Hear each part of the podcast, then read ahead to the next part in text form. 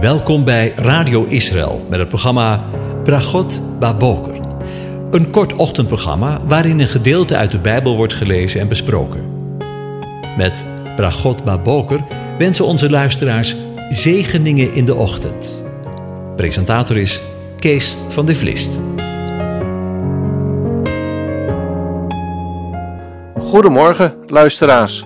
Vanmorgen denken we weer verder na over Psalm 119 en daarvan de versen 92 tot en met 96. Ik lees ze aan u voor. Als uw wet niet mijn bron van blijdschap geweest was, dan was ik in al mijn ellende vergaan. Ik zal uw bevelen voor eeuwig niet vergeten, want daardoor hebt u mij levend gemaakt. Ik ben de uwe, verlos mij, want ik heb uw bevelen gezocht. Goddelozen hebben op mij geloerd om mij om te brengen. Ik let op uw getuigenissen. Aan alles, hoe volmaakt ook, heb ik een einde gezien, maar alleen uw gebod is onbegrensd. Tot zover. Over thuiskomen gesproken. Ik heb het al eens eerder gezegd. De Torah is het Hebreeuwse woord dat onderwijs betekent. En het wordt vaak met wet vertaald, maar die vertaling is te beperkt. De Torah is veel meer dan een verzameling van regels. Doordat het woord Torah veel vertaald wordt met wet, heeft het voor niet-Joden een negatieve betekenis gekregen. Het is goed om te weten dat de Joden de Torah beschouwen als een geschenk van God. En dat is het ook. We zijn te feliciteren wanneer we in aanraking gekomen zijn met het woord van God. Denk maar eens aan de mensen die nooit met het woord van God ontvangen hebben en dan ineens een Bijbel ontvangen. Hoe onbeschrijfelijk blij zijn deze mensen dan? Ze zijn dan echt te feliciteren. Iets vergelijkbaars vinden we ook in deze woorden die we met elkaar gelezen hebben. Als ik uw wet niet mijn bron van blijdschap was geweest, dan was ik in mijn ellende vergaan. In veel kerken in Nederland worden aan het begin van de dienst op zondagochtend de tien geboden de wet of de tien woorden voorgelezen. Dan wordt ons voorgelezen wat ons wordt geboden en verboden. Je kent het misschien wel. En misschien komt het juist daardoor wel dat veel mensen een soort antipathie gekregen hebben voor de wet, voor de oorspronkelijke betekenis van de Torah en van de weeromstuit wet en genade tegenover elkaar zetten. Alsof die twee begrippen twee tegenpolen van elkaar zijn. Maar we moeten leren dat het woord van God, Gods onderwijs, één is. één geheel. Gods wet is niet een opsomming van dit moet en dat mag niet. Maar het wil ons leren. Het geeft onderwijs. De teksten in het woord van God, de Torah, spreken opvallend veel over de weg, de waarheid en het leven alle drie deze begrippen met een hoofdletter geschreven. Dat is precies wat Jezus over zichzelf zei. Hij is de weg, de waarheid en het leven. Daarmee zijn we bij de kern van Psalm 119 terechtgekomen. Psalm 119 spreekt over de weg, de waarheid en het leven. De wet is niet de verzameling van leefregels, van wat we moeten en wat we vooral moeten laten. Gods wet is liefde. Liefde met een hoofdletter. Luister maar mee met het onderwijs in een gesprek dat Jezus daarover voert, met notabene een wetgeleerde die er ook niets van begreep. Luister mee. En een van hen, een wetgeleerde, vroeg hem om hem te verzoeken. Meester, wat is het grote gebod in de wet? Jezus zei tegen hem: U zult de Heere uw God lief hebben, met heel uw hart, met heel uw ziel, met heel uw verstand. Dit is het eerste en het grote gebod. En het tweede eraan gelijk is: U zult uw naaste lief hebben als uzelf. Aan deze twee geboden hangt heel de wet en de profeten. Tot zover. Ik weet, het zijn overbekende woorden, Maar we hebben het nodig dat we deze woorden diep in onze ziel laten doordringen.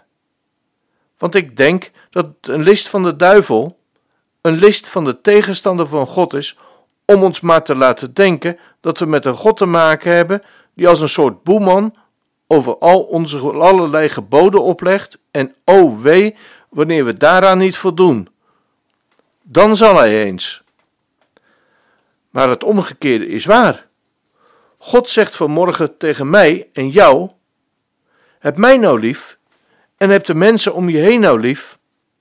En als je dat nou niet kan, dan wil ik het je wel leren. Lees daarom maar in mijn Torah, mijn woord, want ik wil je daaruit leren, onderwijs geven. En wie wil er nou niet lief hebben? Iedereen toch zeker? Als we dat kunnen leren, dan word je toch echt blij van zo'n aanbod?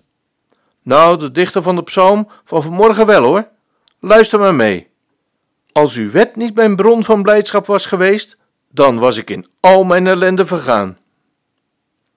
Mag ik het eens in eigen woorden zeggen wat de dichter zegt? Heere God, ik ben u zo ongelooflijk blij met uw woord, want stel u voor dat ik uw woord niet had gehad, dan was het mij fataal geworden, dan was ik van ellende vergaan, dan was ik hartstikke dood gegaan. Lees de woorden nog maar eens na in je Bijbeltje en lees even door de bekende jargon van de Bijbel heen. Het woord van God voorkomt niet alleen je dood. En het maakt je niet alleen blij, maar het blijkt, zoals de dichter van de psalm zegt, de bron, de oorsprong van je blijdschap. En het maakt je levend, levend met een hoofdletter. Want lees maar mee in het volgende vers dat we gelezen hebben.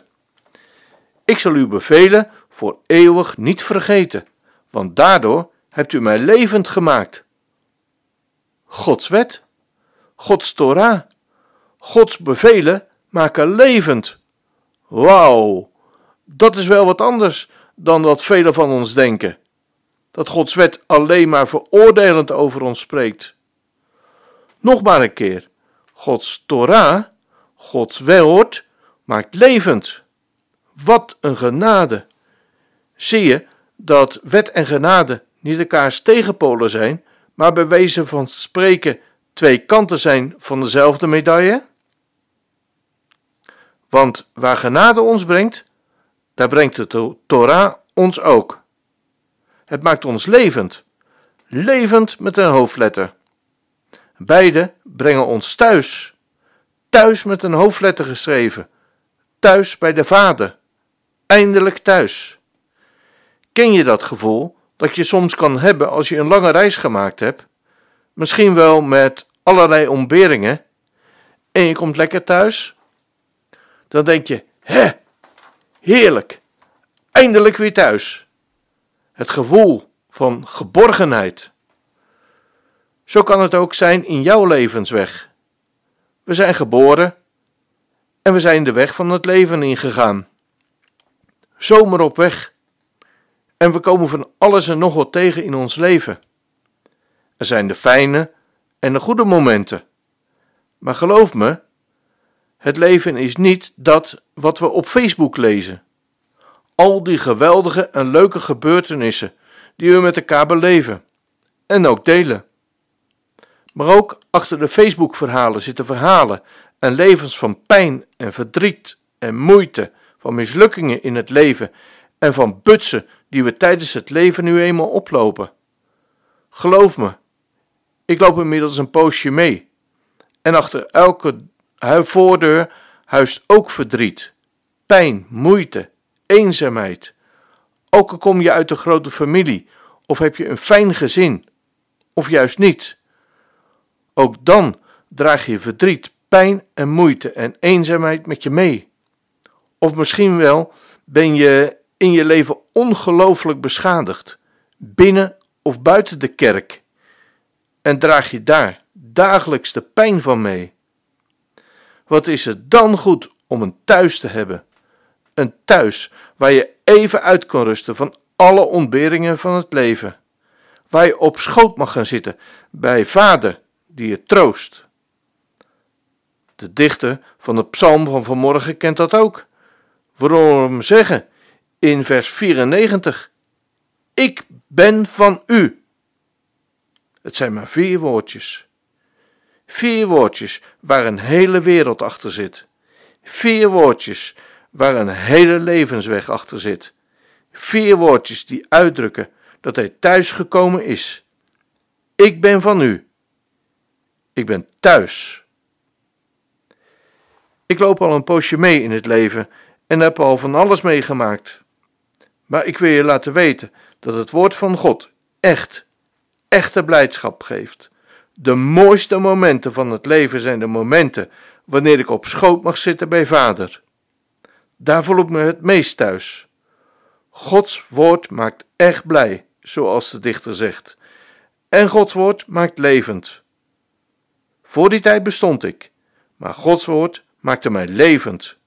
Gods woord is echt onbegrensd. De dichter zegt het. Aan alles, hoe volmaakt ook, heb ik een einde gezien, maar alleen uw woord is onbegrensd. Inderdaad, Gods bevelen, Gods Torah, Gods liefde, want dat zijn Gods bevelen, en Gods Torah, zoals we gezien hebben, Gods liefde is grenzeloos. Ik ken je niet, maar ik hoop en bid dat je misschien vanmorgen voor het eerst thuis mag komen. Thuis bij de Vader op schoot. Of misschien ben je op je levensweg verdwaald en ben je van thuis weggelopen. Weet je, vandaag is de Vader op zoek naar jou.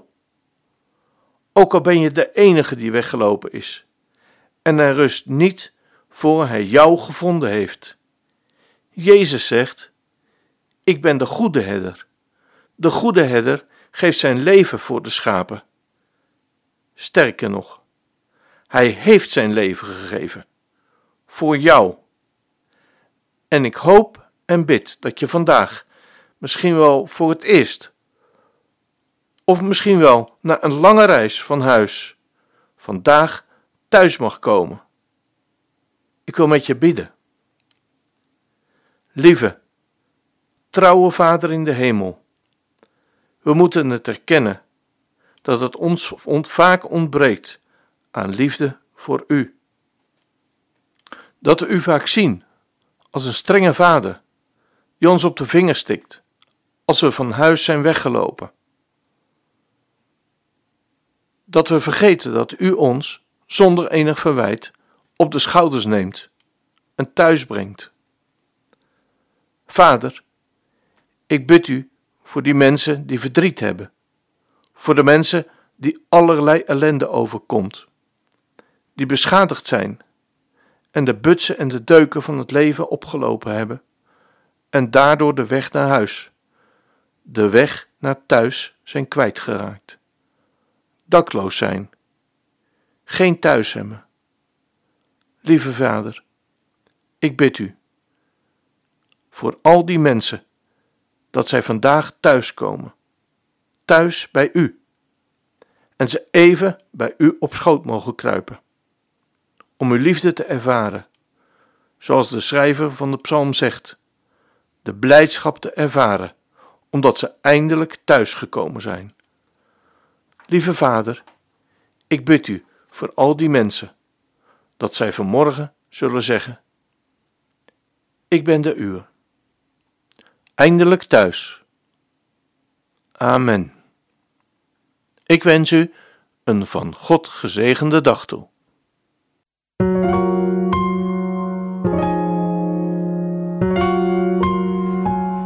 U hebt geluisterd naar het programma Bragot Baboker. Een kort ochtendprogramma waarin een gedeelte uit de Bijbel wordt gelezen en besproken. Wilt u het programma nog eens naluisteren, dan kan dat. Ga naar radioisrael.nl en klik onder het kopje radio op Uitzending gemist.